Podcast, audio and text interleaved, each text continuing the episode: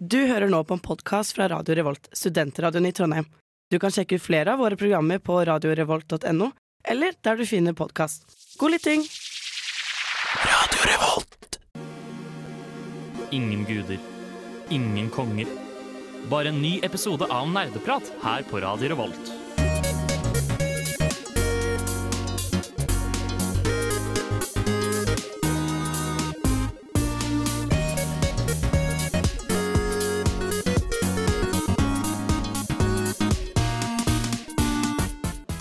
Og der er vi tilbake, kjære lytter. Hjertelig velkommen til semesterets første episode av Nerdeprat, ditt spillmagasin på Radio Revolt.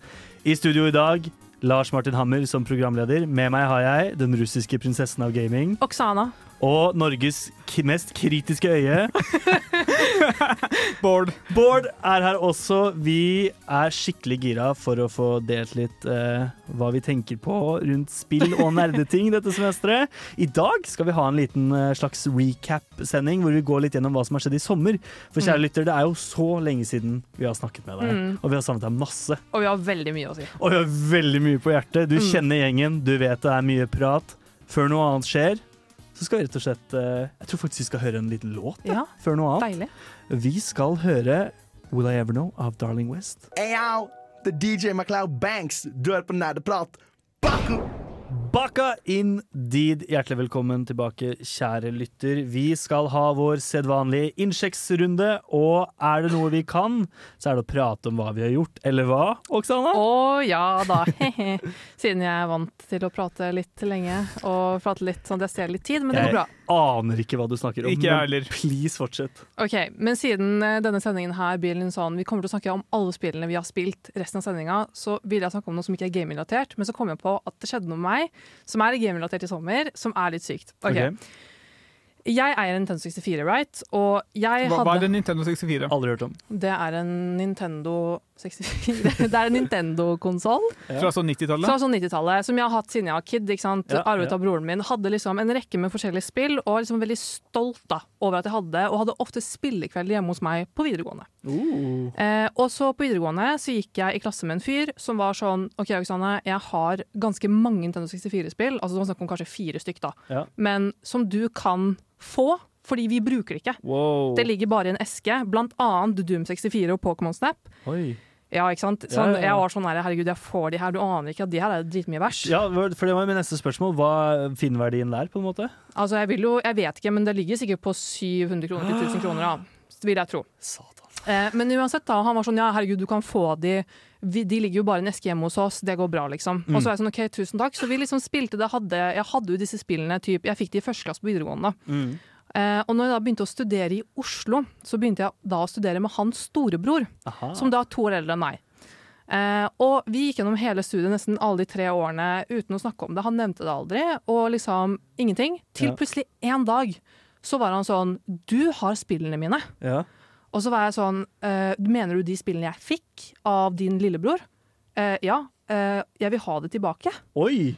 Og så er jeg sånn eh, Men altså sånn Jeg tar jo vare Jeg har alle spillene, liksom. Jeg tar jo vare på det, liksom. Ja, ja. Sånn, jeg er collectors item girl, liksom, som tar vare på sånne ting.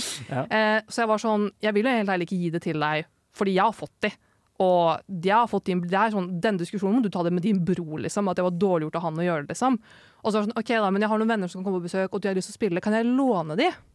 Og så var jeg sånn godtroende, og kjente han jo fortsatt ganske greit. Og han virket jo alltid som en veldig fin fyr. Jeg outer hele den gjengen her nå, Ja, ja, jeg, ja. men det får bare gå. Eh, og så sier jeg ja, selvfølgelig kan du låne de.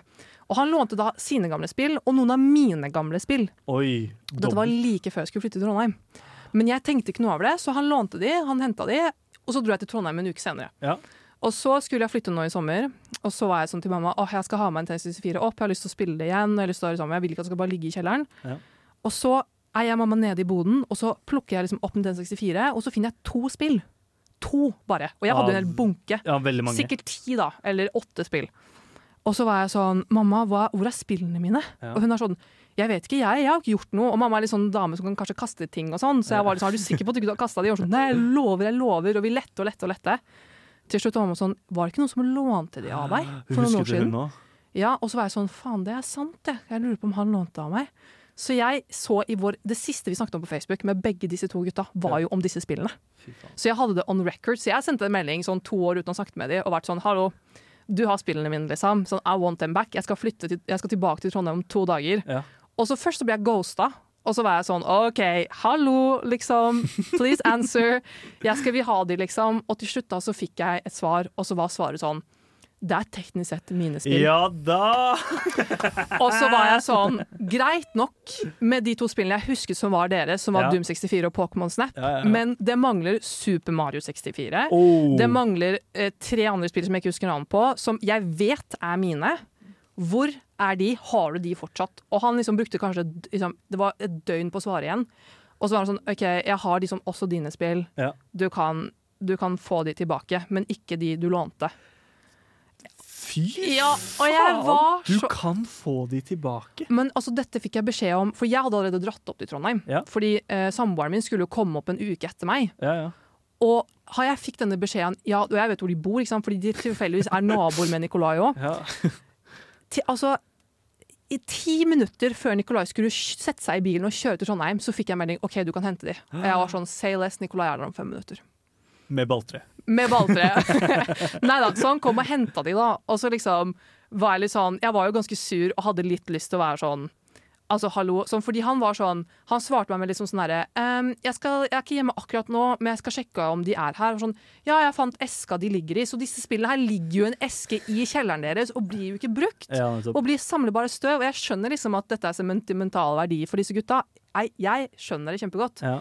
Men jeg, jeg kommer ikke til å miste de. Hvis det er én person du kan låne bort spill til som aldri forsvinner, er til meg. Ja. Så jeg var, altså jeg har jo skrytt blant annet til vår gamle nærmeste Håkon sånn Ja, Doom 64. Ja, du, Nå du skrøter på deg masse greier du egentlig ikke har. Bare Doom 64 og Pokémon Snap. Ja, okay. Men nå, det har jeg ikke nå, da. Eh, og det syns jeg var skikkelig, skikkelig leit. Mm. Den er god. Det, der, det var twist and turns. Vi ble tatt med på en reise av Oksana. Dette har blitt dokumentert på Snapchat og var tittelen uh, Nintendo 64-tyven. Så hvis dere hører på, dere vet hvor dere bor, jeg vet hvor dere bor, jeg vil fortsatt ha du tilbake. Oksana vet hvor dere bor. Uh, men før Oksana finner dere, så skal vi høre en låt. Vi skal høre Oh My God av Behare. I am not a king, I am not a god, I am. Nerdeprat på Radio Revolt. Nerdeprat på Radio Revolt, velkommen tilbake etter den fantastiske låta av Bahari. Takk for en engasjerende og morsom historie, Oksana. Det var eh, wow. Jeg har Ja. puls, jeg, altså. Ja, jeg ble forresten også ghosta når jeg spurte om det gikk bra med dem når denne samtalen var ferdig. Fy faen. Så jeg er svartelista. Oksana er svartlista. Jeg er ikke svartlista. Jeg har også hatt en uh, sommer. Okay. Uh, jeg starta den med å være på Roskilde. Det var veldig gøy. Jeg var der blant annet med Filmofil-medlem August og Ja. Nesten Helg-medlemmer eh, Marie og Morten. Marie og Morten. Ja. Sjekket de programmene. Filmofil kommer rett, nesten rett etter oss. Ja. Begynner klokka åtte. Og Nesten Helg er i morgen klokken fire. Og jeg skal være gjest. han er gjester på Nesten Helg, så sjekk ut det. Roskilde var kjempegøy, men gud bedre! Jeg er blitt gammel veldig fort. Har Oksana. du med deg switchen? Nei, det hadde jeg ikke. Det, hadde ikke det vært litt rart? Jo. Nei. det- Nei. ja, eh, nei da, jeg, men jeg merka at sånn, eh, da jeg var 20-21 og var på festivaler da, så holdt jeg på fra klokka ni på morgenen til langt utpå natt og festa og hoppa og koste meg. Men nå så var jeg sånn, klokka ble sju, jeg titta på klokka og var sånn ja, Tilbake til teltet, da. tror Jeg Jeg har litt vondt i ryggen. Kanskje jeg skal gå og legge meg? Ja, altså, sånn, I feel you. Jeg var på Roskilde også da jeg var 19 og 20 år. Ja. De siste gangene jeg var der. Og jeg kjenner at jeg kunne aldri ha gjort det i dag. Nei. Og du er til og med eldre enn meg. Det er til og med eldre. Men, men var dette her syv om kvelden eller syv om morgenen? Syv om kvelden, ja, Bård. Ok. Ja. Og det er tidlig Det var før main-eventene begynte. Men det var kjempegøy. Jeg dro med veldig gode venner og koste meg masse. Så Ja. det var en stor suksess. Hvor er det, Hvilken camp bodde dere på? Vet du hva, Det er en sånn ny glamping-ting som har kommet opp. Som- Glamping? Glamping, altså glamorous camping. Eh, Er det det samme som Silent and Clean? Eller er det, det er bare, bare ett hakk opp. Å ja. Ja, Morten og Marie kommer til å Så- argumentere mot det. Så men- du var sliten etter hvert på glamping? Ja, eh, eller det var sånn Det, det kalles tent house, ha-ha. Eh, og det var ferdig oppsatte telt med madrass og eh, stikkontakt som sto oppå en sånn slags paviljong, eller hva jeg skal kalle det. Så de var liksom Du lå ikke i gjørma og frøs, men det var veldig godt og varmt i teltet, og liksom, det var aldri et problem å sove, da. Å. Så jeg lå der og snorka og purka. Det var selvsagt mye bråk allikevel, men eh, jeg koste meg. Det var helt sykt. Ja. Veldig lite nerdeting som skjedde på Roskilde. da Det var sånn Nei. cool people place og masse kule folk. Følte du deg liksom utilpass? Nei, ja, kanskje litt. Nei, jeg jeg føler jeg er kameleon sånn sett. Jeg kan gå veldig nerd, eller jeg kan gå veldig ikke nerd. Ja. Ellers har jeg trukket to visdomstenner, Okay. så jeg har litt vondt i kjeften akkurat nå, merker jeg. Men uh, her er en PSA til våre yngre lyttere. En public service announcement, announcement til våre yngre lyttere. Og det er, hvis du har muligheten, trekk tennene dine før du er 24. For vil dere gjette, jeg har kanskje sagt det allerede, men vil dere gjette hva jeg betalte for to visdomstenner? Mm. Vi vet det. Jeg, jeg vet det, men jeg kan, jeg kan tipse at Lars Martin ville egentlig kjøpe seg en gaming-PC. Ja, Men det blir ikke noe av. Og på grunn av hva den koster, så blir det ikke noe av den gaming-PC-en. Det sier jo litt sitt, da, på en måte, om hva det er snakk om. Ja, Og så blir det ikke i det hele tatt, eller blir det bare et halvt år forskjøvet? det blir på en måte Det blir et halvt år forskjøvet, tipper jeg. Fordi ehm, Det blir sånn herre ringe foreldrene dine rett før jul og være sånn I beg you. Please, mother, I Jeg- beg you. Men LM i en alder av 27, jeg vil ha gaming-PC. Jeg skal innrømme at jeg tok den telefonen hjem. Jeg var litt sånn Ja, ja jeg skal trykke tenner, da. Og så hører jeg mamma og pappa i bilen sånn Ja, mye blir det, ja?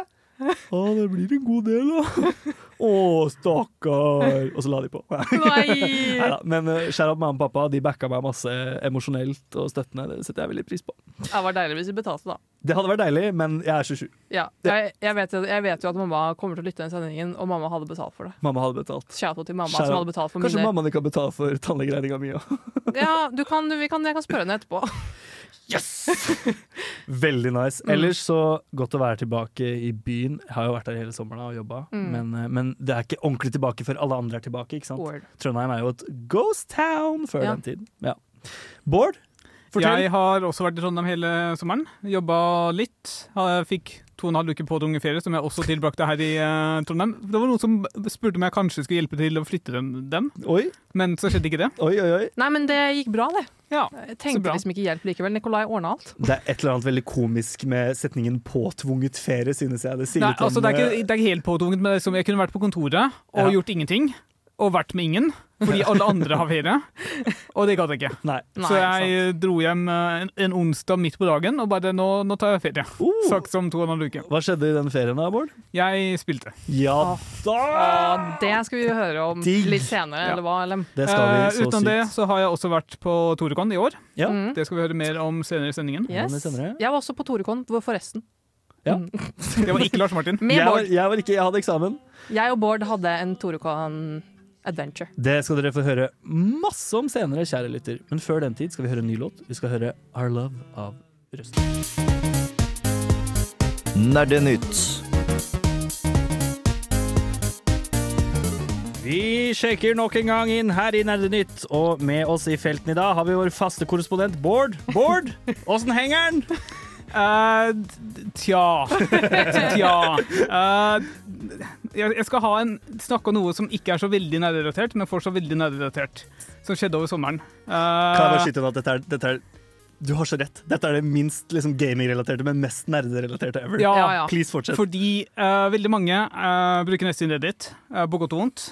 Uh, og veldig mange har forhold til Reddit. Veldig mange bruker det til å diskutere diverse spesifikke spill eller spillserier eller uh, gamingkultur, alt mulig sånt. Mm. Så det er en veldig en nettside som har veldig mye nerdemiljøer, Mm. yep. men selve nettsiden er, er også veldig uh, allmenn. Jeg føler at alle som definerer seg som nerd, har en Reddit-bruker. Jeg er enig. Det Det er, er det. det er liksom litt, nesten synonymt, Du føler jeg. kan være nynazist, men du er sannsynligvis en gamer. Ok. Ja.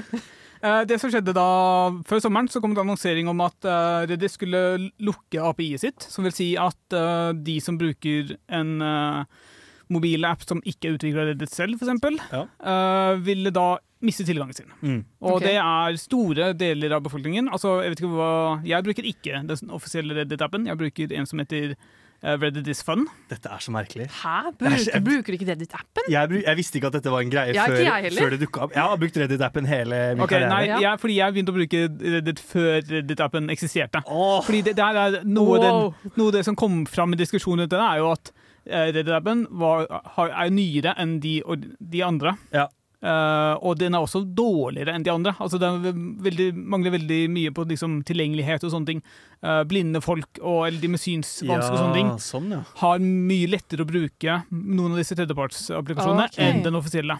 Og det har, det har liksom vært åpen på at det er tilfellet. Hva var reaksjonen på denne endringen? da, Bård?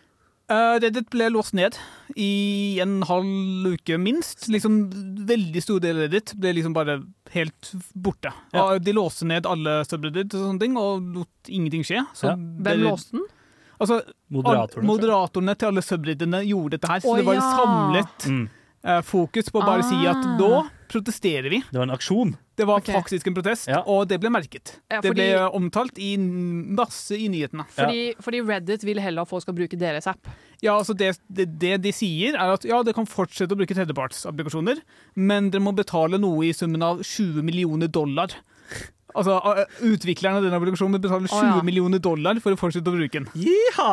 Okay, det Klassisk Klassisk. Som er mye mer enn det det faktisk koster Reddit å ha dette her. Ikke sant. Ja, for jeg har liksom aldri hatt inntrykk av at de som er liksom, eh, si, eh, gutta bak Reddit, altså de som har skapt Reddit, er- har vært drittsekker. Liksom. Jeg har aldri hørt om de før, liksom. Nei. Nei, men nå, nå har det kommet fram, da. Fordi i denne diskusjonen som det oppstod rundt dette så hadde eh, utviklerne av Apollo, som er den største tredjepartsapplikasjonen til AUS, Mm. hadde samtale med Reddit for å liksom Ok. finne ut hvordan kan vi komme ut rundt der. Og det var da dette tallet med 20 millioner eh, dollar kom fram. Uh, og da eh, har det da i etterkant vist seg at uh, det sjefen for Reddit har, sa, uh, har sagt i media i etterkant, Ja. er løgn. Sammenligna med, det han hadde opptak av samtalen. Fordi I USA er det en merkelig greie om at du kan egentlig ikke ta opptak av telefo eh, telefonsamtaler. Ja. Men fordi utvikleren av applikasjonen var i Canada, så hadde han lov til å ta opptak, og gjorde det. Og da ble sjefen for Reddit uh, tatt på fersken i Å, lyve om en del detaljer som da ble diskutert. Fikk han noe, fikk han noe konsekvenser? Nei, altså, jeg, jeg, Det er det som er så irriterende. Fordi jeg, jeg har ikke noe problem med å slutte å bruke Reddit etter dette har kommet fram. Men det virker som at dere har ikke merka noe til det. Nei. Veldig mange har bare ikke merka noe til at dette, denne store tingen skjedde over Jeg skulle inn og lese nyeste OnePiece-chapter, og så var r slash OnePiece lagt ned. Og så var jeg sånn, hva Ja, for- skjer nå? For jeg er inne på Reddit daglig, men jeg kanskje, altså sånn, kanskje jeg bruker Reddit i ikke gaming-sammenheng, for jeg bruker det veldig mye til sånn memes og Ja. en del sånn Jeg er veldig aktiv på Siberian Cats og Bredderton, for jeg skal kanskje få meg en snart, så jeg stilte en del spørsmål, men den har ikke vært nede, liksom. Så de som De, var ikke, de, de, De de, fighta ikke med causen, ass. Siberian Cat-redditen. Ja. Eh, Det er masse mer informasjon der ute om dere vil finne mer detaljer om hva som faktisk skjedde, men det er i hvert fall noe å få med seg og bemerke seg. ja. Nerdeverden er i endring, folkens. Har du Nerdene har eh, aksjonert? Nerdene har Det er jo aksjonert. big deal! Gamers Unite, absolutt. All gamers unite. Vi skal høre en ny låt. Hvor skal dere? Torukon! Jeg hørte ikke. Torukon! Hva sa du?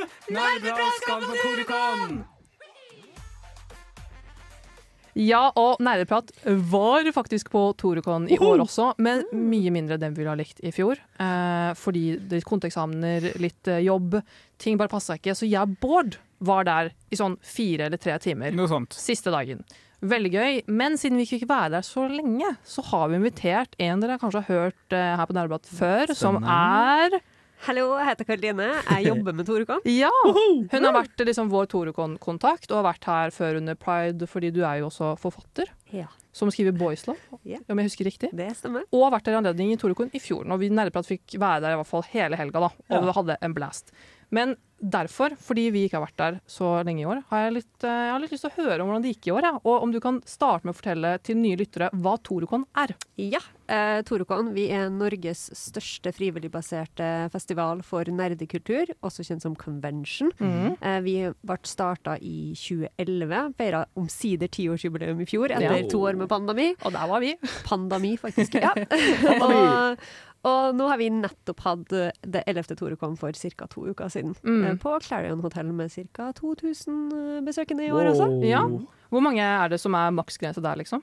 Eller er det, liksom vel, er det nærme utsolgt, eller? Eh, jeg tror ikke vi solgte ut alle billettene i år. Jeg Mm. tror vi solgte ut helgepassene. Mm. Eh, men vi har, eh, altså vi, vi har vel et tak på om det er 2000 eller 2005, og det Mm. er jo For det blir veldig mye folk, og det blir veldig trangt. Ja. Så vi, vi, vi velger å vokse i innhold, ikke i størrelse. Ja, det ikke sant. er det som er målet. Og det blir fort varmt, ja. Ja. Det lot jeg også merke til. Det var veldig varm, fordi folk går ut med kostymer også som ser Ja. veldig varme ut. Så det er Ja, helt ja, ja. utrolig. Men hvordan syns du det gikk i år, da? Det gikk faktisk veldig fint. Mm. Eh, I motsetning til i fjor, der det var en god del ting som gikk galt, så eh, gikk det under selve helga veldig, veldig bra. Mm. Eh, men vi hadde jo litt høy puls et par dager i forveien, for Mm. det var jo en del bidragsytere og dommere og sånn, som plutselig ikke visste om de kom seg oppover fordi det var jo storm Ja, og flom. det. Det var hans. Ja, det var hans! ja. Hans var her. Eh, og det var, da var det litt høy puls. Men det ordna seg. Alle, nesten alle kom seg oppover. Vi hadde én workshop-host som ikke kom oppover, og hun hadde vi på digitalt isteden, så det ordna seg. Ja, ikke sant. Så bra. Eh, jeg lot merke til temaet deres i år.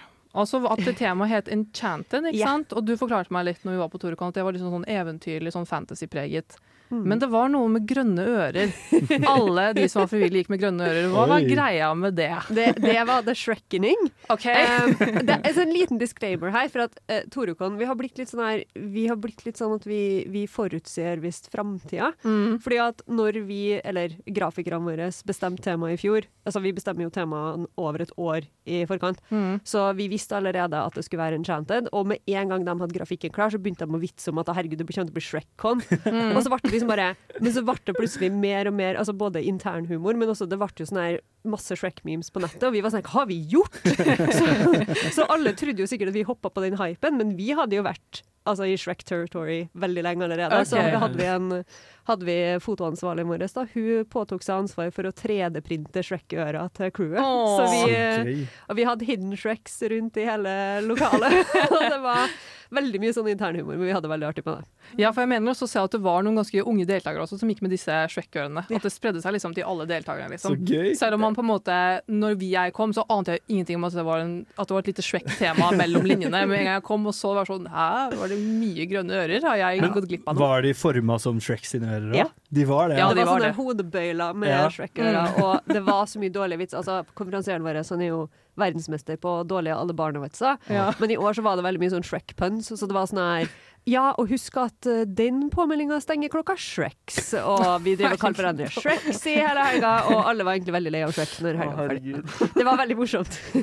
Å, herregud. Men dere, vi var jo med på avslutningsshowet, Ja. og der annonserte dere jo Torekon til neste år. Kan du Torekon. fortelle meg, for jeg, ble, jeg fikk litt gåsehud når dere hadde den der traileren og revisen helt på slutten. Hva, hva er temaet for neste år? Torukon 2024 Intergalactic. Oi, oi, oi. Sykt. Så det, nå skal vi leave behind uh, Torundia og Enchantment og sette kursen for uh, New Frontiers og mm. mot evigheten og forbi og alt det der. Så Har det, dere satt dato?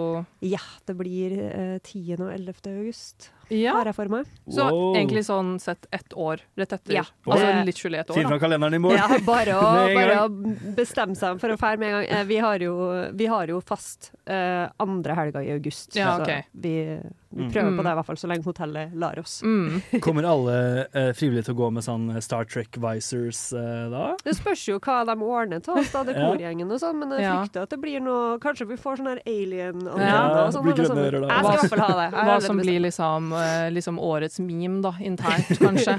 Kanskje det blir noe helt annet. Space Kitty eller noe. Jeg vet ikke. Det kunne vært kult. Ja, det kunne vært kult. Space Kitty. Eh, og så, Vi må begynne å runde av snart, men jeg har et par kjappe spørsmål. Em, bare sånn, Vi har sikkert stilt deg dette spørsmålet her før, når du har vært her tidligere, men for folk da som ikke har venner å dra med, og som syns det er litt skummelt å dra på Torukon alene, men er veldig fan av konseptet og liksom nærkulturen. har du noe råd til de? Ja, det er bare å komme. Ja. Eh, det er jo, altså jeg har sagt det før, det å Når du er på steder som f.eks. Torcon, så og særlig hvis du er i cosplay eller hvis du har på deg en nerdy T-shirt, Mm. så har du jo fandomet ditt på deg. Mm. Og da vil folk kjenne igjen De vil skjønne hva du liker, og det er veldig lett å komme i kontakt Mm. med folk du, Mm. du, som liker det samme som deg. Og så har vi jo f.eks. en Discord-server og sånn, så man kan melde seg inn, Mm. sånn at man kan bli kjent med folk på forhånd. Ja. Så vi prøver jo, vi har jo også, når Facebook var litt mer levende, så brukte vi å ha en sånn vennetråd i Mm. eventen, sånn at folk Ja. kunne liksom etterspørre da, noen å henge med, eller er det Mm. noen som skal cosplaye fra denne franchisen, kan vi møtes? Og så Ja. det bruker som regel å ordne seg, og det er, vi oppfordrer jo folk til å, hvis du ser noen som ser litt utafor ut, så gå og snakk med dem. For ja, ikke sant? vi er jo alle nerder, vi vil jo Ja. alle bli kjent med hverandre, liksom. Men hvordan opplever, opplever du at det er veldig lav terskel for å ta kontakt? Ja, egentlig. Ja. Mm. Uh, nå er jo jeg arrangør, så jeg springer jo bare rundt som en hodeløs kylling hele helga. Eh, men, men når jeg sjøl har vært på sånne events, og, og sånn, så det er så lett å få kontakt med folk. For at man bare, det er noen som roper karakternavnet ditt, og så plutselig så omfavner du en Ja. person du aldri har sett før. Liksom. Så det er kjempe, kjempefint. Mm. Altså, miljøet er så fint. Ja, Det var det Mm. jeg også nevnte til Ellen, for du har vel aldri vært på et kon før? Aldri vært på et kon før. At det er på en måte, Torekon gir deg virkelig den viben at du kan bare komme liksom akkurat som Mm. du er. på en måte. At det er null begrensning. Et Helt- veldig kjempekjapt spørsmål. Veldig- Hvis Nærpe skulle cosplaye noen, hvem ville det ha vært til neste Torukon? Dere? Ja, vi som en gjeng. Altså, jeg er veldig dårlig på sånn space-greier. Eh, men uh, dere må jo ha en gruppe cosplay, da. Ja, det var det jeg ville, òg. Foreslår sånn her eh, Nå skulle du si Space Dandy. Eh, um, um, Cowboy Bebop, kanskje? Ok, Kan det ikke være en Ok. eh, Cowboy Bebop Group? Da har Karoline sagt det. Så til neste år, eller Bård Ja. Vi skal cosplaye. Jeg skal være Spike. Ja. Ja, da får dere slåss om å være Spike. Yes. Okay. Ellers kan alle være Spike. Det går Ja. Alle kan være Spike. Tusen hjertelig takk for et fantastisk innhopp, eh, Karoline. Tusen takk for at jeg fikk komme. Jo, og til ære skal vi da spille selvfølgelig Sweet Caroline av Nidheim.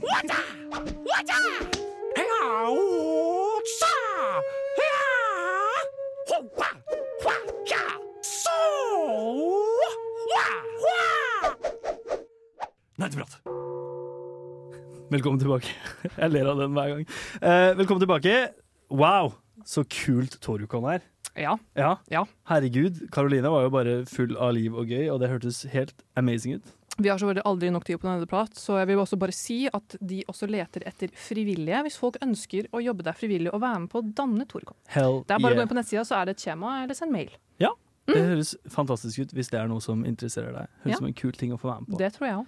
Vi skal inn i, ja, skal vi kalle det temadelen av programmet? Ja! Vi har rett og slett bare stykka opp sendinga litt eh, til at vi skal få snakke om det vi har lyst til! Gaming, gaming, gaming. Og da har faktisk min gode venninne på høyre side her, Oksana, fått lov til å starte om det hun har lyst til å prate om. Skal jeg starte? Oh my lord, ok, dere må bare stoppe meg. Eh, hvis, Vi skal det. Tro meg, ja, det- det fordi at eh, jeg har da eh, ikke hatt min gaming-PC med meg til Oslo, siden jeg var fem uker i Oslo i sommer. Ja. Eh, og da en del på en hytte, og litt i Bergen og litt i Stockholm. Så, men det jeg alltid til enhver tid hadde med meg i min uh, douchebag-sekk, er Switchen. Ja. Og jeg og Switchen vi tilbrakte mye tid sammen. Fordi selvfølgelig har jeg spilt Tears to Kingdom, men det gidder jeg ikke å snakke om nå, fordi herregud, nå er, det, Herregud. nå er vi lei av det. Herregud. Herregud. Men jeg har spilt gjennom annet Bramble, som jeg har Oh. nevnt på Nerdeprat tidligere at jeg hadde ønsket å spille det, og jeg gjorde det faktisk i sommer. Kan du forfriske mitt minne? Bramble er Det ligner litt på Little Nightmares. Det er Ja. samme type liksom, layout som Little Nightmares. Uh, uh, og det handler da om en liten gutt som heter Olle. Eller Ole, for det er basert på nordmytologi, som skal da redde søsteren sin, som har blitt eh, kidnappet av et troll. Oh. Altså sånn stereotypisk norsk, stygt, kjøttetende troll. ja, ja. Eh, og det er bare det at han gjør ulike altså puzzles, han møter på eh, altså nisser, ikke nisser som julenisser, men sånne små husnisser som man snakker om i norsk mytologi. ja, ja. right? Mm. Møter nisser i skogen, han møter liksom diverse sånne mytologiske creatures som enten ikke liker han, og han må rømme fra dem, eller som hjelper han på sin journey. Mm. Eh, spillet er veldig kort, bare. Så jeg spilte gjennom det veldig fort, og plutselig så var jeg bare ferdig. Og så var det sånn OK, shit. Eh, I seg selv, spillet altså utrolig bra. Eh, man merker nå litt at det her er et indiespill. Så hadde noen putta typ to milliarder inn i det spillet, her, så hadde det vært helt plettfritt. Men fordi det er et indiespill, så var det liksom, liksom litt bugs her og der. ja. Gameplay kunne være litt tricky innimellom, Ja. men det gikk bra. Eh, spillet har en veldig sånn spooky atmosfære. Veldig Little Nightmares-atmosfære. Mm. Eh, hvis man ikke liker gore, så burde man ikke spille det spillet Uff fordi de trollene spiser kjøtt. Er ikke veggiser, for å si det sånn. Og du det, er kjøtt. og du er kjøtt, og Du du er er en eh, åtte år gammel kjøtt. Så du er veldig appellerende for disse. Men en veldig pent spill som på en måte Altså, eh, det er en veldig sånn kjent liksom, klipp da, jeg tror fra traileren deres, eller noe sånt, hvor du går over sånn du, Fordi du blir miniatyr, da, for du faller ned som i Alice in Wonderland, ned en hule. Ah. Eller tre, og så blir du miniatyr. Eh, hvor du da hopper på sånne liljer, vet du, i vannet. Og så hopper du for skal liksom, til andre siden, og der ser du hun der. Nå husker jeg aldri hva hun heter. Hun der som er i sånne her, i myrer. Ja, Huldra. Ja. Huldra, som du ser noe i bakgrunnen, noe som på en måte snur seg, og så da går ned i vannet. Og så må du være kjapp ikke sant, Oh. på å hoppe deg. Eller kanskje det er Draugen? Jeg meg om. Eller Nøkken, for så vidt. Nøkken var det. Nøkken er det. Ja, det er Nøkken. Nøkken. Ja, ja, ja. Er ikke, er ikke Huldra fra Mummi? Nei, det er Hufsa. Oh, ja. Hufsa ja. Det var bra vi fikk avklart det. Um, over på en ny ting som ligner litt. Jeg har også spilt ferdig Brothers. Det var noe jeg spilte like før vi gikk av håper å si, for semesteret forrige gang. Jeg er fortsatt litt traumatisert av da du fortalte om Brothers forrige gang. Ja, uh, Og det er drittrist. Eh, det, jeg, jeg kan ikke, jeg kan ikke spoile slutten. Nei, du kan men, det kan du ikke. men det er du, ja, det er Ja, du blir litt du, lei. du følte ting. Du føl, jeg følte ting, ja. Jeg grein litt. Nå kommer jeg til å hoppe, for det er så mye å snakke om! eh, jeg har også spilt Unravel, Ja. som da er for to personer. Ja. eh, spilt det med Nikolai. Eh, Som er Din, som er min kjæreste. din mye bedre halvdel. Min mye bedre halvdel og min samboer. Eh, veldig gøy. Han er ikke så veldig glad i sånne spill, så vi spilte ikke så mye, dessverre. Nei. Så jeg må finne meg en partner til å spille det med. Gikk det bedre enn da du spilte Overcooked? Ja, eh, for det spilte vi altså ikke i sommer. Eh, vi har jo ett level som vi ikke har kommet oss forbi, som dere prøvde å spille på også, sammen med Håkon, og det gikk ikke ikke. snakke om det engang. Eh, og så på ekte sint. spilte jeg eh, Jeg skal nevne det kjapt, jeg kanskje kommer tilbake til litt senere, men jeg har også spilt Bowsers Fury. Uh. Eh, for det hadde jeg, det hadde jeg gjort når eh, For det er en del av Åh, hva Det heter er det? en utvidelse av 3D World, eller? Ja, Ja. utvidelse av 3D World. Jeg spilte litt, og så husker jeg ikke hvorfor jeg ikke spilte det ferdig. Men så spilte jeg det ferdig i sommer, og vet du hva? Og dere kan få mine tanker etterpå. Faktisk. Mer av det etterpå. Mer av det etterpå. ass. Helt Fordi fantastisk. jeg skal ikke stjele all tida. Oksana, jeg må innrømme at jeg er imponert. Det der kom du deg gjennom kjempefort og effektivt. Takk! Jeg prøver. Det er helt fantastisk. Uh, Arigato, Nisa. nå etter Sorry, jeg måtte bare la den være. Uh, nå skal, etter denne låta så skal vi høre litt mer om hva Bård har gjort i sommer. Moshi Moshi nerdeprates. Torsdag 57 på Radio Revolt. Jeg satt og sitret under hele den låta fordi jeg visste at da den ble ferdig, så skulle jeg få høre om hva Bård har spilt det sommer. Jeg er så nysgjerrig sjæl, ass. Uh, ja, tingen er at det er ikke nok tid i havet til å snakke om alt jeg har vært gjennom i sommer. Jeg, jeg burde sikkert hatt en egen sending forrige uke for å komme gjennom alt. Men jeg skal starte med det jeg kanskje anser som viktigst. Eh, og det er at jeg har plukket opp Resident Evil igjen. Oi! Oh! Uh, ja, Håkon, uh, vits å på. Ja, hvor er Hei, Håkon? Håkon. Og jeg vet at Håkon sitter og lytter nå og er sånn Faen!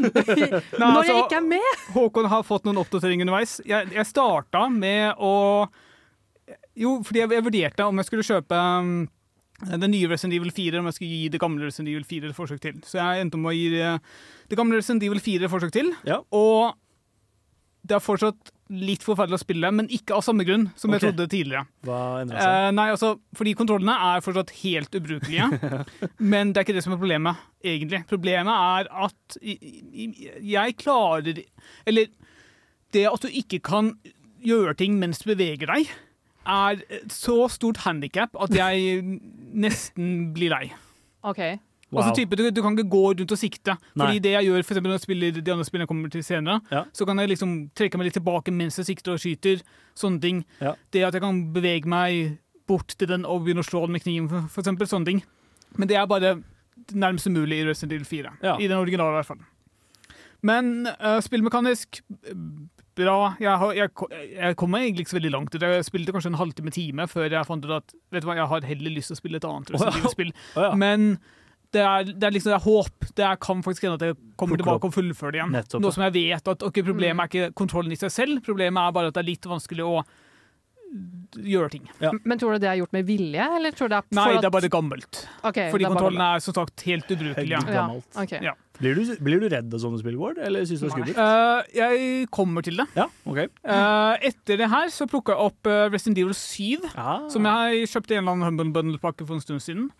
Fordi jeg hadde fått høre at uh, Resident Evil 7 burde man spille før Resident Evil Village, uh, som er det spillet jeg liksom har hørt så veldig mye om, og som jeg liksom egentlig hadde lyst til å spille.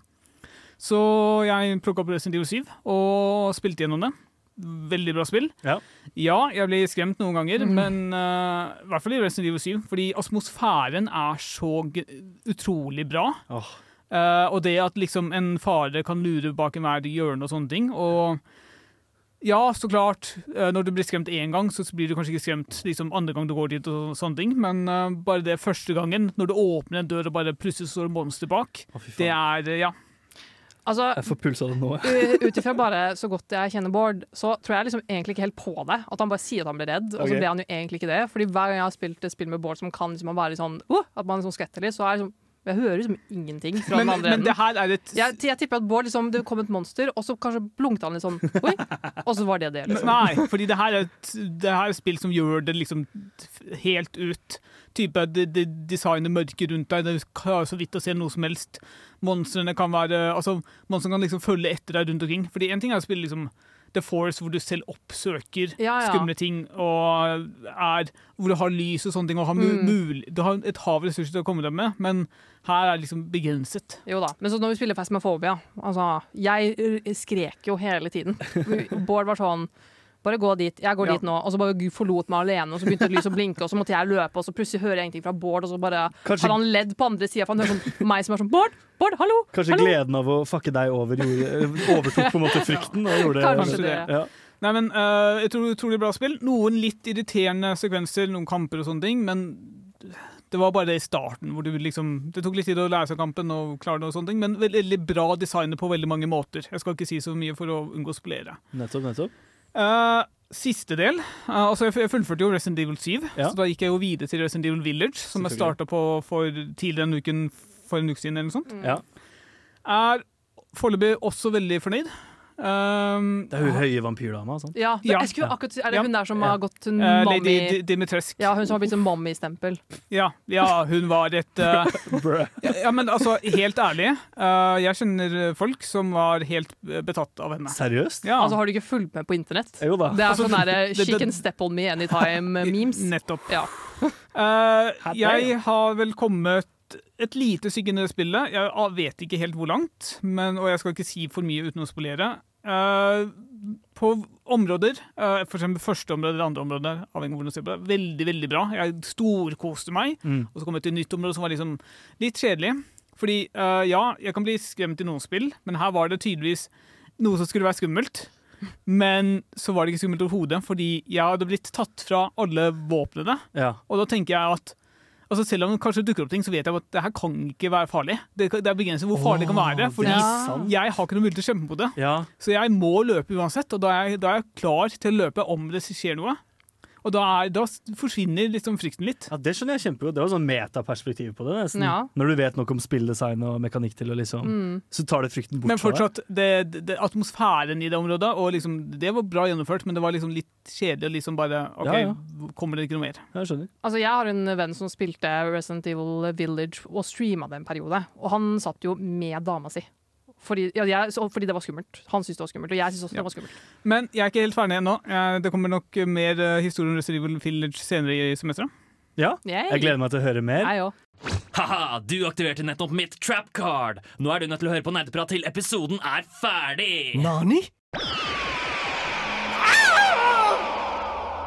Ja, vi er tilbake, og stakkars LM får jo aldri sagt hva han har gjort. Wow. Så, så Lars Martin, Ja. hva har du spilt i sommer? Det skal jeg snakke om senere i sendingen, men først Hæ? skal jeg snakke om noe annet nerdete jeg har gjort i sommer. Okay. Jeg har sett på masse anime. Wow! Jeg har hatt den store nerdesommeren. Jeg har jo gått i turnus på jobben min. Ja. Noe som vil si for de som ikke vet hva det er. Ja, Bård? Ser du på anime mens du er på jobb? Nei.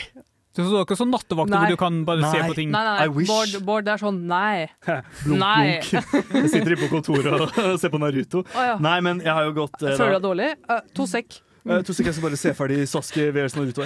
Nei, men, Nei, men jeg har, jeg har jobba dag og kveld, ikke sant? Ja. Altså Enten halv åtte til tre eller tre til ti. Og mellom de da, så har jeg ligget veldig mye på sofaen og sett på anime, fordi Trondheimsværet er jo det det er. Det er jo ikke akkurat beach weather.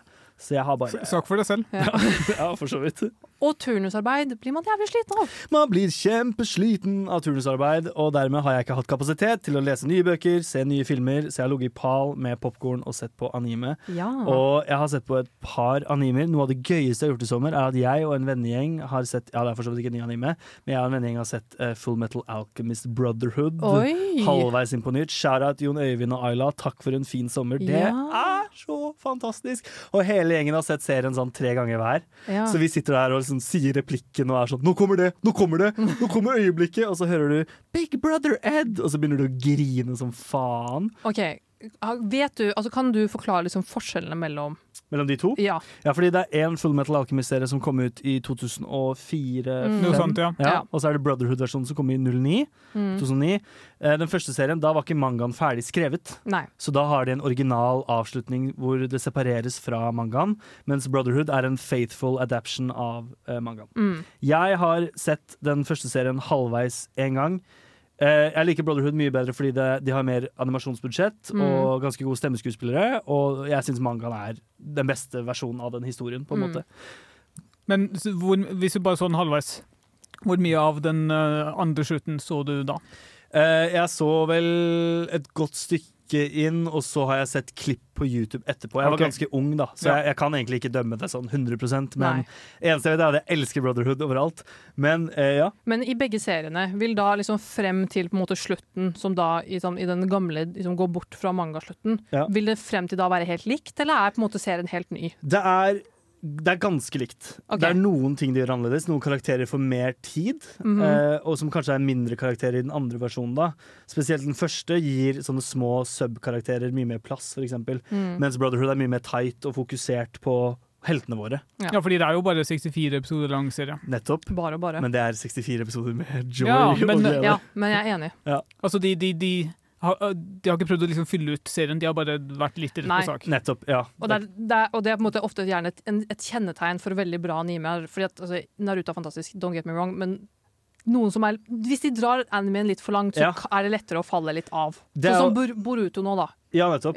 Jeg elsker jo måten veldig mange av studiene Mappa på Rå for eksempel, lager anime nå, er at de, de, selv om de har mangaer som løper, altså som fortsatt går, Mm. så lager de animen i bolker Mm. og har lang tid mellom release. Da får serien god tid til å liksom modne og kverne og bli Mm. godt animert. da. Mm. Bleach det er det andre serien jeg har sett i sommer. Oh. Fantastisk. Thousand Year Blood War Arc. Oh, Ja. Amazing. Kult å se ting jeg leste da jeg var 19, bli Ja. animert nå. Ja. Det er uh, utrolig interessant. Men kronjuvelen i sommer Men, har vært Jujutsu Kaisen sesong to. Jeg får frysninger bare jeg snakker om det. Liksom. Det har vært en helt fantastisk sesong hittil. Og jeg, jeg bare elsker alle karakterene. Jeg elsker introsangen, jeg elsker animasjonen, jeg elsker Ja, ja. ja jeg er nesten litt speechless. Hvis jeg kan komme med et hot take Jeg syns ikke at Juskaisen er så bra.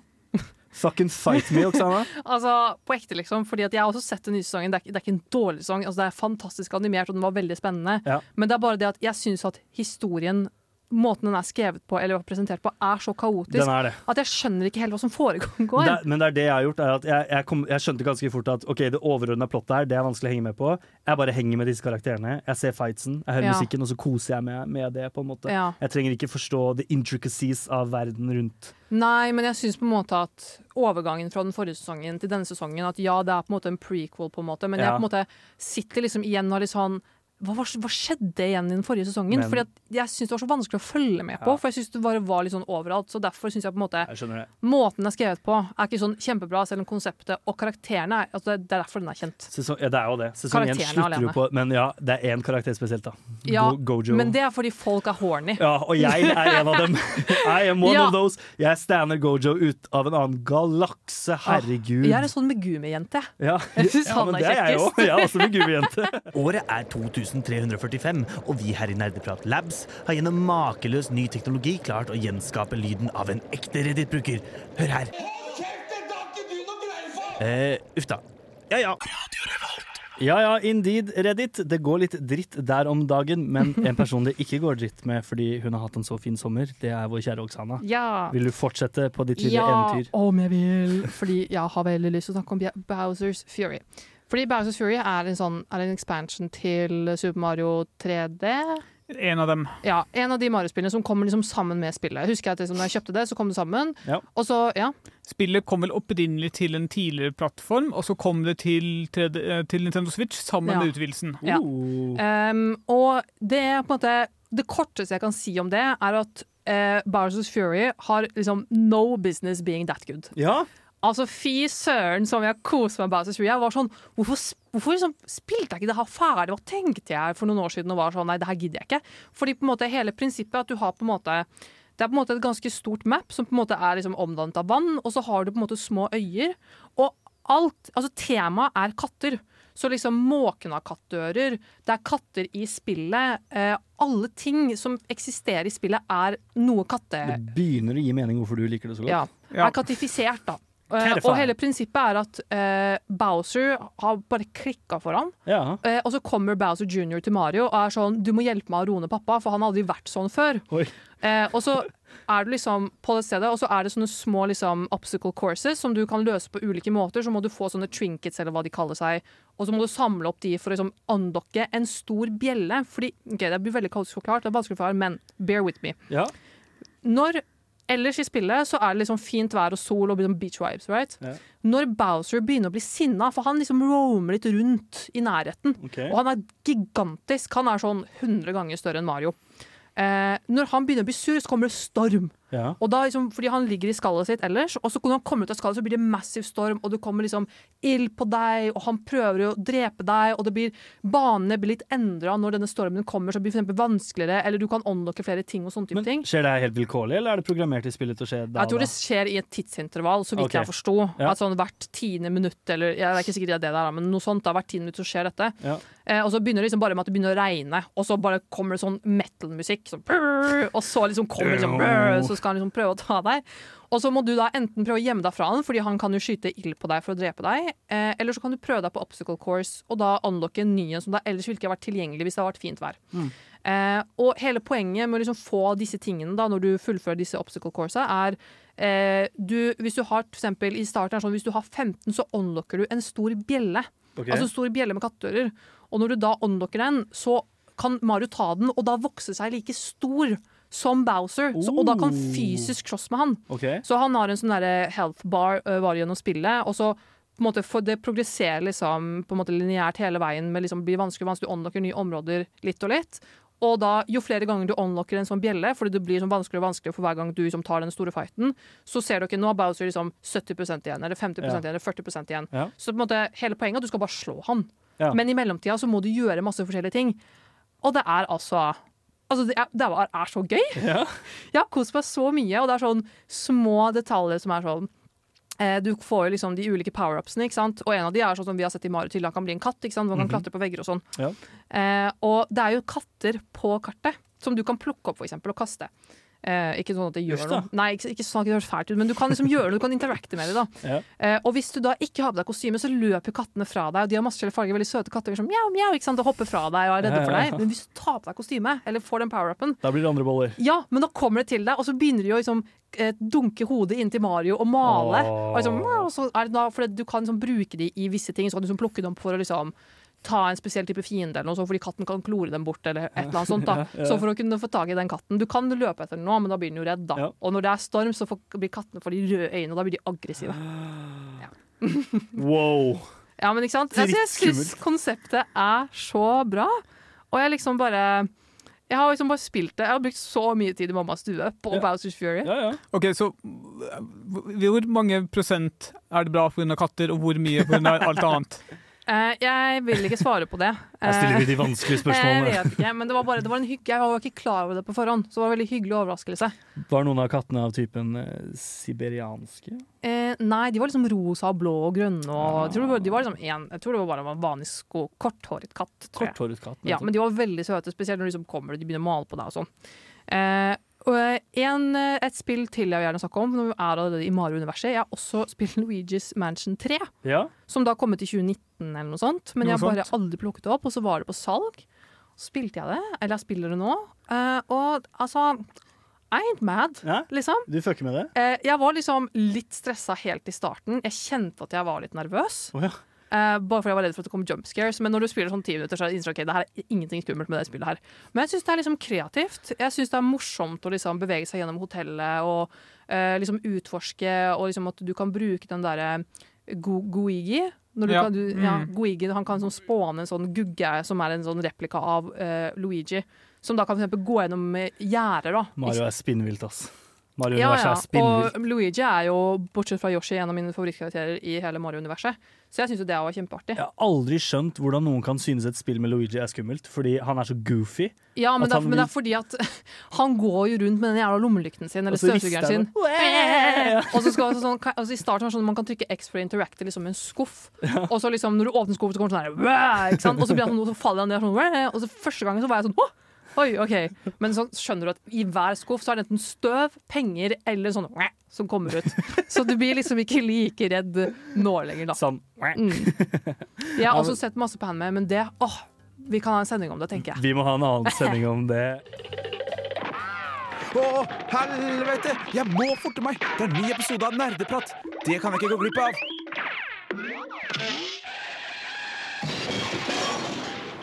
Hell være med deg, kjære lytter, fordi om du nettopp hørte dette, så har du ikke gått glipp av nerdeprat, og du sitter faktisk og lytter på våre dulse stemmer fortelle om nerdete skitt vi er glad i. Dull, hva betyr dulse stemmer? Myke, behagelige, fine, Som i spansk for søt? Eh, ja, ja.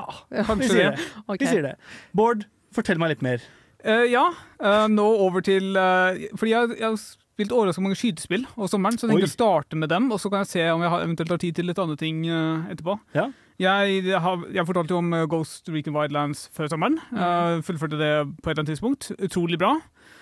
Uh, anbefaler alle som liker bare åpen verden, skyte, plaffe ned ting og ha det gøy. Bang, bang. Uh, som gjorde neste skytespill litt verre. Uh, jeg og noen venner prøvde ut uh, Halo Infinite. Åh.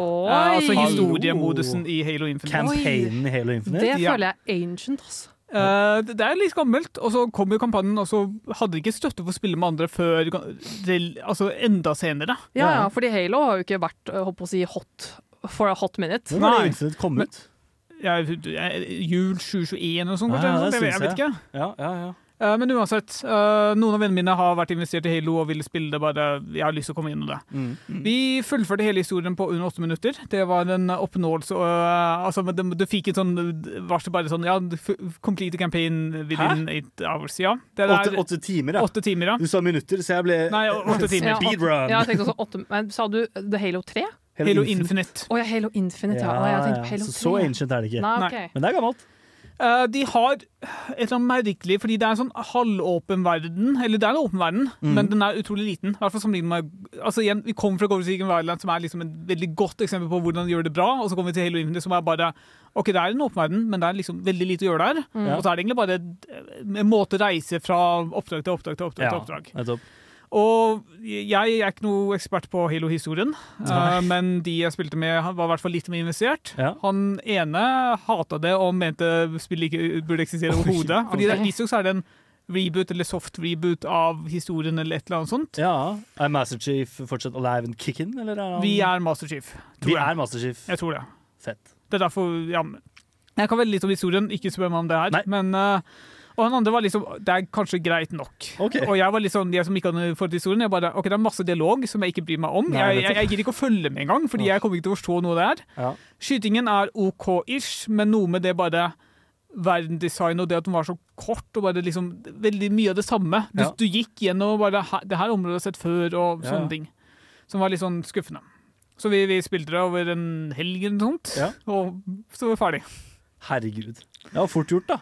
Ja, det Åssen var var det. gameplay, da, i hvert fall? Nei, ja, godt nok. Ja. Altså, hvis du Men da er det kanskje gøyere å spille mot andre på internett. Ja, i matchmaking. Kanskje. Ja. Ja, ja. Altså, det er type, jeg vil tro at det her er noe du spiller gjennom på en helg, eller noe sånt, og så avinstallerer du de 60 gigabytene historiemodusen krever. Og så spiller du kun flerspiller eh, etterpå. Er unreal hvor store spillet har blitt. Altså. Ja. Eh, men eh, så var det en lang pause, og så kom ut Remnant 2. Ja. Eh, de som ikke vet, Remnant 1 var jo et skytespill som hadde fått litt sammenligning til Dark Souls, fordi du liksom går gjennom en verden og Er det der Remnant et eller annet Ashes? From the Ashes, ja. Ja, det er nummer én. From the Mm, ja. Og Remnant 2 kom ut da i sommer. Uh, veldig bra spill. Veldig, jeg storkoste meg. Uh, jeg spilte med en kamerat, og så de to vennene mine spilte sammen. Og så til slutt så droppa min kamerat ut, og da ble jeg med i det i tre. For du kan kunne spille som tre stykker. Eh, jeg har bare et spørsmål, for jeg har spilt litt Remnant from the Ashes. Ja. Eh, og jeg bare skjønte det ikke. Oi. Jeg, altså, jeg kom meg ikke langt at all. Jeg spilte med en venninne. Og vi, altså, sånn, vi ble stuck på ett sted, og vi ble stuck der så lenge at vi bare slutta å spille det. Ja, fordi det Er, er liksom vi dumme, eller er det noe Er det litt utfordrende? Jeg har egentlig ikke spilt eneren noe særlig. Jeg Mm. har også bare sånn så vidt starta og så funnet ut at okay, det her har jeg lyst til å spille med noen venner. Mm. Eh, men i toeren i hvert fall, det er litt sånn type hva skal vi gjøre nå? Du må finne en eller annen skjult rom eller skjult gang, eller kanskje du må bare interagere med en eller annen ting for å komme Mm. deg videre. Mm. Så det kan være utfordrende. Mm. Men i Sorille egentlig ikke. Okay. Men eh, det er eh, spill som har veldig mye gjenspillbarhet. Du beveger deg gjennom fire, typ fire verdener og sånt, men de Mm. har forskjellige versjoner, og de er litt sånn tilfeldige ut fra hver gang til hver gang, så det er ikke det, er ikke det samme de gjør hver eneste gang. Og så har du elleve forskjellige klasser og sånt som kan teste ut. Veldig gode våpen, veldig bra, veldig kule våpen. Altså Ja. du, du, interessante ting som faktisk er unike. Mm. Så veldig bra designet spill. Mulig jeg egentlig er ferdig med det nå, men uh, kanskje plukker det opp senere når det kommer litt mer innhold. For det er litt sånn postapokalyptisk vibe, right? Ja, det Oh. er definitivt postapokalyptisk. Jeg tror det fortsetter uh, etter det første spillet, som også var postapokalyptisk. Jeg heter uh, Hva står det her, da? Eh, bare Bare Egil står her. Eh, du hører på Radio Revolt. Og jeg heter Lars Martin, eh, og du hører på Nerdeprat på Radio Revolt. Tusen takk, Egil. Da er det altså min tur til å prate litt mer om hva jeg har gjort. Har vi forlatt animens verden, folkens. Slapp helt av. No er du egentlig weeping out. gamer, eller, eller hva er Jeg er det. Og i eh, sommer så fulgte jeg eh, råd fra egentlig alle dere tre, med Håkon, eks-nerdeprater Håkon, om å kjøpe meg PlayStation Pluss. OK. Ja, jeg var litt sånn Har jeg anbefalt det? Sikkert. Det har du. Det har du. du har sikkert fortrengt det. det, men du har det. Eh, og da fant jo jeg ut, som dere har fortalt meg, som jeg tydeligvis bare har helt latt gå forbi, da, at da kan man jo streame spill. Ja. Så Det, jeg- det spørs jo på abonnementet ditt. Ja, det, er det som koster mest penger! Ja, så klart. Det er sånn 200 et eller annet kroner i måneden. Eh, ja, men jeg kjøpte for året, da. Ja, ikke sant. Kosta 1200 spenn. Så Ja. uh, ja, whatever. Uh, og da oppdaga jeg en hel katalog av PlayStation 2-spill som har blitt remastera for PlayStation 3, og som da Mm. streames opp til min uh, PS5. Og da har jeg vært på et lite sånn, nesten litt sånn retro-eventyr. Ikke, ikke, ikke egentlig, Jeg vil ikke kalle det retro. Retro, Da tenker jeg mer på sånn gamle Nintendo-spill og sånn. Mm. Det her er en sånn rar tenåringsfase av gaminghistorien hvor veldig mange plattformere prøvde seg fram. Det var hovedpersoner, de skulle ha dyre sidekick. Spilte du Shadow of the Colossus? Jeg gjorde ikke det. Hæ? Jeg vet det, men det er fordi det har jeg ikke, litt av poenget mitt med denne retrosommeren var at jeg skulle spille ting jeg har spilt før. Og liksom se om det holdt seg like Ja, bra. da. ok. Mm. Ja, så det første jeg starta med, var Jack and Daxter 1. Okay. Drittspill. OK. Virkelig drittspill. Tell me why. ja, altså, mange spill kan du unnskylde pga. alderen. ikke sant? Jeg kommer til det etterpå. Men Jack and Daxter var ikke bare Det var ikke bare dårlige kontroller, på en måte. For den, det, i en sånn plattformer vil du ha noe tight, Ja. ikke, sant? Mm. ikke sant? Sånn som i Super Mario 64. Gjorde det uendelig mye bedre enn Jack and Daxter.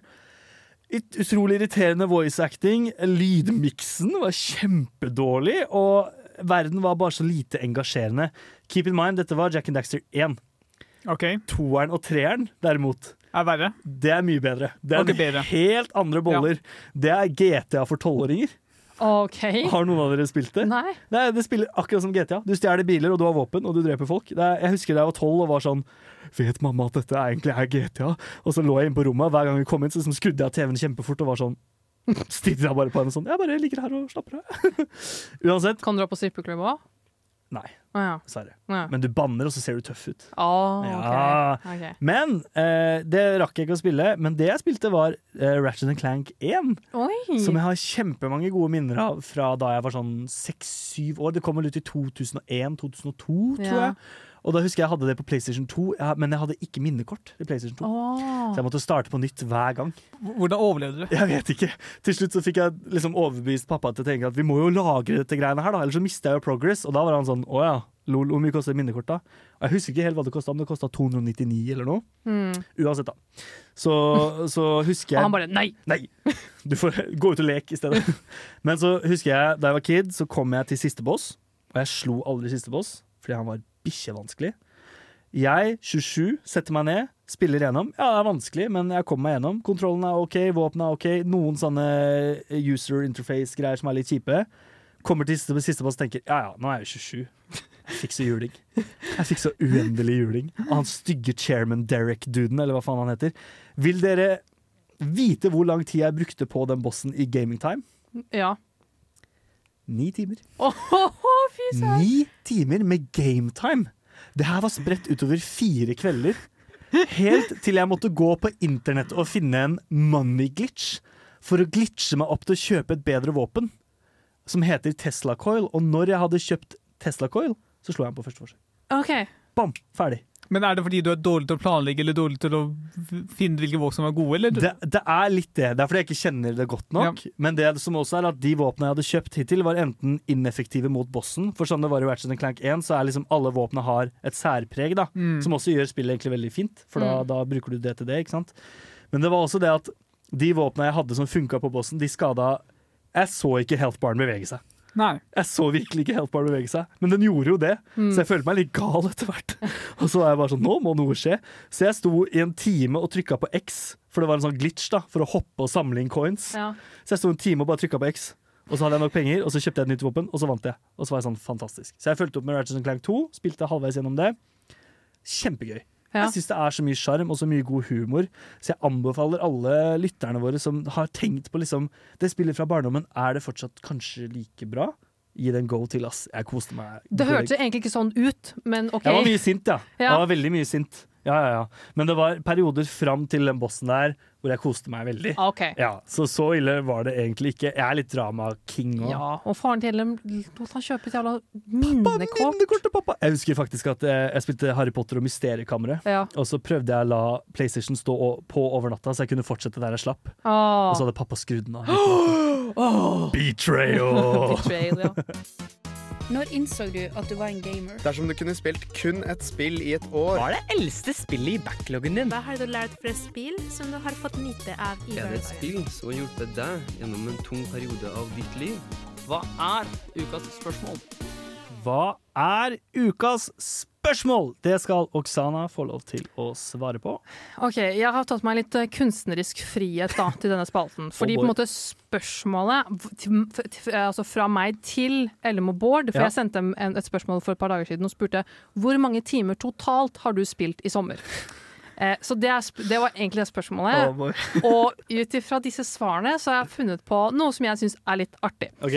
Jeg tenker at jeg starter med å si, eh, nummer, altså andreplass Ja. av den som har gamet mest, som da er Lars Martin. Ja, det så så jeg for meg stemte ganske bra. Eh, og da var ditt eh, tall var 133 timer. Holy fuck nuggets, det er Eh, så ja, det er ganske mye. Men Ja. jeg tenkte jeg satt hjemme og tenkte sånn OK, jeg vil vite hvor mye dere har spilt, og så tenkte jeg hva kan jeg gjøre med disse tallene? Ja. Og jo da, det jeg tenkte å gjøre, at jeg skal gi dere fun facts om disse tallene. For jeg tenkte sånn, å, jeg kan da, hvis dere hadde jobbet med 100 timer i 100 kroner timen, ikke sant? Jeg tenkte, det er ikke, det er ikke noe gøy. Nei. Så derfor så kom, tenkte jeg, nå kommer jeg med litt fun facts Ja. om tallene som dere har spilt i sommer. OK. Ok, så nummer 133, det tilsvarer da totalt 5 døgn og 13 timer. Og en ting som er en fun fact om nummer 133, er at det er et hellig tall. Oi. Det kalles faktisk et angel number. Eh, og et angel, altså et angel number er liksom at det er et spesielt type tall som liksom har Ulike tall har ulik betydning, Ja. men i ditt tilfelle, Lars Martin, så betyr ditt angel number Altså det sentrerer seg rundt balanse og å refokusere. Um. Det vil si at dine engler signaliserer at uh, du burde se på livet ditt uh, og de stedene i livet ditt som trenger mer balanse. Oh, fuck. Mm. Uh, dette kan være liksom jobb, forhold eller hvilken som helst annen del av livet ditt. Ja. Eh, også at engler minner deg på å ta eh, tid til å liksom omprioritere dine prioriteringer og lage en plan for deg selv. Hvordan minner de meg på det? Eh, jeg via, ja, for har, du har gama 133 timer. Ja, altså, og det er- din påminnelse. Det er akkurat det. Hallo, hvorfor tenkte jeg ikke på det? Ikke sant? eh, og at du må fokusere mer på ting som gir deg glede. Ja. Ja. Som gaming, for eksempel. Eh, som gaming, for eksempel. Så faktisk det at du hadde 100, nøyaktig to- 133 timer gaming i sommer, Ja. var meant to be, for det er et englenummer. Alt gir mening! OK. Så må jeg kjappe meg litt her, fordi Bård har, jeg har litt flere fun facts om Bård sitt nummer. Bård er vinneren da, av dette, på en, måte, sånn, en slags konkurranse i mitt hode. Med Eh, fordi både med, med mm, altså mengden timer, men også for det var mest fun facts om dette tallet. Okay. Bård sitt nummer var da 219. Ja, det var ikke så mye mer. Eh, det er ikke alle timene. Nei. Men uansett, jeg har tatt utgangspunkt i Ok. 219, fordi Bård var litt sånn også dette, og så dette, men jeg var sånn, vi bare setter oss på 219. Eh, 219 det er ni døgn og tre timer totalt. Eh, og så leste jeg en artikkel som sier at det tar faktisk to, i gjennomsnitt 219 timer å forme et tett vennskap. Oi. Faktisk! Så du har formet et veldig tett vennskap med dataen din, i hvert fall. for å si det sånn. Bård! Så hyggelig! Eh, det tar altså, ikke sant, Siden jeg har nå eh, også da måte, gitt et perspektiv på mange dager det er, ikke sant? så er altså, det er ni dager og tre timer, som jeg sa. Og det tar faktisk omtrent ni dager å klatre Kilimanjaro. Ja, tenk det, Bård. Så hvis Bård hadde brukt de, de, de timene på gaming til å klatre Kilimanjaro, så hadde han fått det til. Og det er faktisk også den Man kan klatre på kortere tid òg, men det er ni timer som er anbefalt da, for å ha det høye høy success rate og nå toppen hvis du bruker den i dager. Nettopp, nettopp, nettopp. Eh, og så, i tillegg, så jeg en YouTube-video av en Dr. Chatterjee eller noe sånt, Oi. som sa at det kan faktisk ta ni dager for noen å reprogrammere hjernen sin til å bryte med all typer avhengighet. Wow! Spillavhengighet, for eksempel? Ja. Eh, spillavhengighet, for eksempel. Og så en liten fun fact. Den her bare syns jeg var litt morsom. Ja. Fordi jeg måtte jo ta noe med sånn Hvor mye hadde dere tjent? Ikke sant? Hvor mye tid har man wasta? Ok, så alle kjenner til Bo- Bo- Bobby Kotick, som er CEO av Blizzard. Ja. Eh, han hadde en lønn eh, i 2020 på 154 millioner dollar. Er det lov? Eh, det er tydeligvis lov. Det ekvalerer til altså 1,6 milliarder kroner, Ja. som da betyr en timelønn på litt over 800 000 kroner i timen. Så hvis eh, Bård hadde hatt eh, timelønna til Bobby Kotick, så hadde han tjent 185 millioner kroner. Og tilsvarende til deg, Lars Martin. Ja. Hvis du hadde hatt timelønna til Bobby Kotick, så hadde du tjent 112 millioner kroner. Oh, what could have been?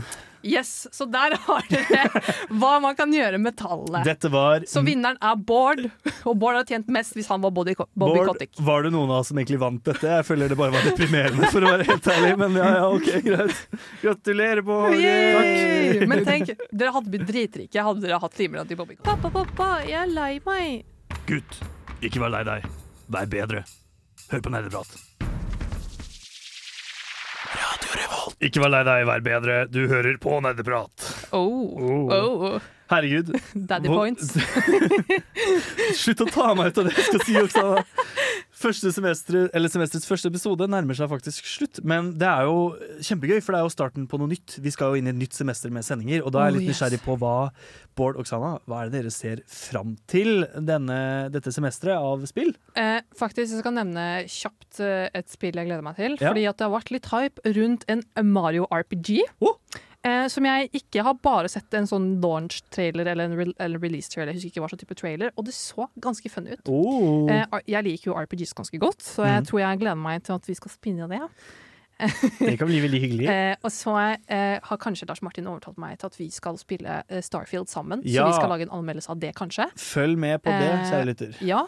Eh, og så gleder jeg meg selvfølgelig til at vi har jo eh, Vi har jo faktisk for første gang i Nerdeplass sin historie så lenge jeg har vært med, laget en liten plan for semesteret. Tenk det! Tenk det. Jeg har spurt om det tidligere, men gud, de andre gutta var så rutta. Men jeg er ikke rutta, så jeg trenger litt plan. Jeg er Og- ikke en av de andre gutta, bare så jeg har sagt. Jeg er heller ikke det. Men jeg får for så vidt at eh, dette Det kommer jo en ny Spiderman-film. Ja. Det syns jeg blir veldig gøy, og det må vi selvfølgelig snakke om. Det når må vi blir absolutt. aktuelt. Ja. Eh, jeg har også eh, gleder meg veldig, eh, for jeg har hatt lyst til å ha brettspillsending lenge. ja.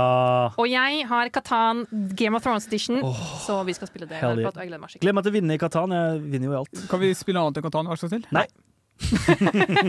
Bård, Ja, noen, også Star Wars Monopol. noen highlights som semesteret her? Uh, ja og nei. Uh, det er mange spill jeg gleder meg til, men jeg har ikke oversikt over når det kommer ut, så nei. Men et spill jeg er utrolig ambivalent til, er Payday 3. Jeg har Ja. spilt masse Payday 1 og 2. Jeg liker spillestilen, jeg liker hvordan eh, spillet fungerer og sånne ting, men eh, økonom altså, hvordan de har håndtert eh, betaling og innhold og sånne ting, er helt hårreisende, så jeg vet ikke helt hva jeg ender opp med å synes. Spennende. Følg nøye med på det, kjære lytter. Det jeg gleder meg til for min del, det er mange Åh. spill som er gøy, men Ja. eh, det jeg gleder meg mest til, er å kanskje se et nytt fjes her i studio. For Nerdeprat har nemlig opptak! Og du kan søke Nerdeprat på samfunnet.no. Da vil du få muligheten til å være med oss i studio, snakke om masse nerdshit du liker å prate om, og forme sendeplanen Ja. for semesteret. Og hvis du hørte noe av det jeg sa her som, ah, i sendeplanen vår videre, at dette syns var sykt teit, så vet du hva, da kan du komme hit, så kan du kanskje bli tatt opp, og da kan du kanskje si Oksana, det der sugde. Oksana, det der var drit, kan du Og si da. Dum idé, og jeg skal ha sending om dette. Og vet du hva? Jeg pleier å være litt snill i starten, så det skal du få lov til. Du får lov i starten, men etter hvert så tar vi deg til slutt. Mm. Så hvis dette her høres gøy ut, det er noe Mm. du har lyst til å være med på og bli bedre kjent med oss og lage litt radio, gå inn på samfunnet.no og Mm. registrer deg som søker. Kjapt hvorfor? Fordi det er gøy, du lærer masse, og du får prate om ting, nisjeting hele tiden, konstant, hver torsdag, men også i vår chat konstant hele tiden, og i Discord. Tenk det. Tenk å få være med på det her. Ja. Tenk så gøy. Mitt navn er Martin Øddelepperød. Du hører på Radio Revolt! Radio Revolt, og det har vært nerdeprat på menyen i kveld, kjære lytter. Vi nærmer oss eh, dessverre slutten for semesterets første episode. Ja. Men frykt ikke, for det kommer mer. Hver torsdag fra klokken fem til syv Ja. er vi her og beriker dine ører og ditt sinn. Mm. Og det skal bli et heidundrende gøy semester. Og ikke glem å søke. Ikke glem å søke. Enten nerdeprat eller hele Radio Volt. Vi vil ha dere alle. Vi vil ha dere Kanskje. alle. Kanskje. Takk for i dag. Eh, du skal få høre en låt eh, som det siste vi gjør. Du skal få høre 'Running' av Snooper. Vi ses neste torsdag. Ha det bra. Ha det. Du har lyttet til en podkast på Radio Revolt, studentradioen i Trondheim. Sjekk ut flere programmer på radiorevolt.no.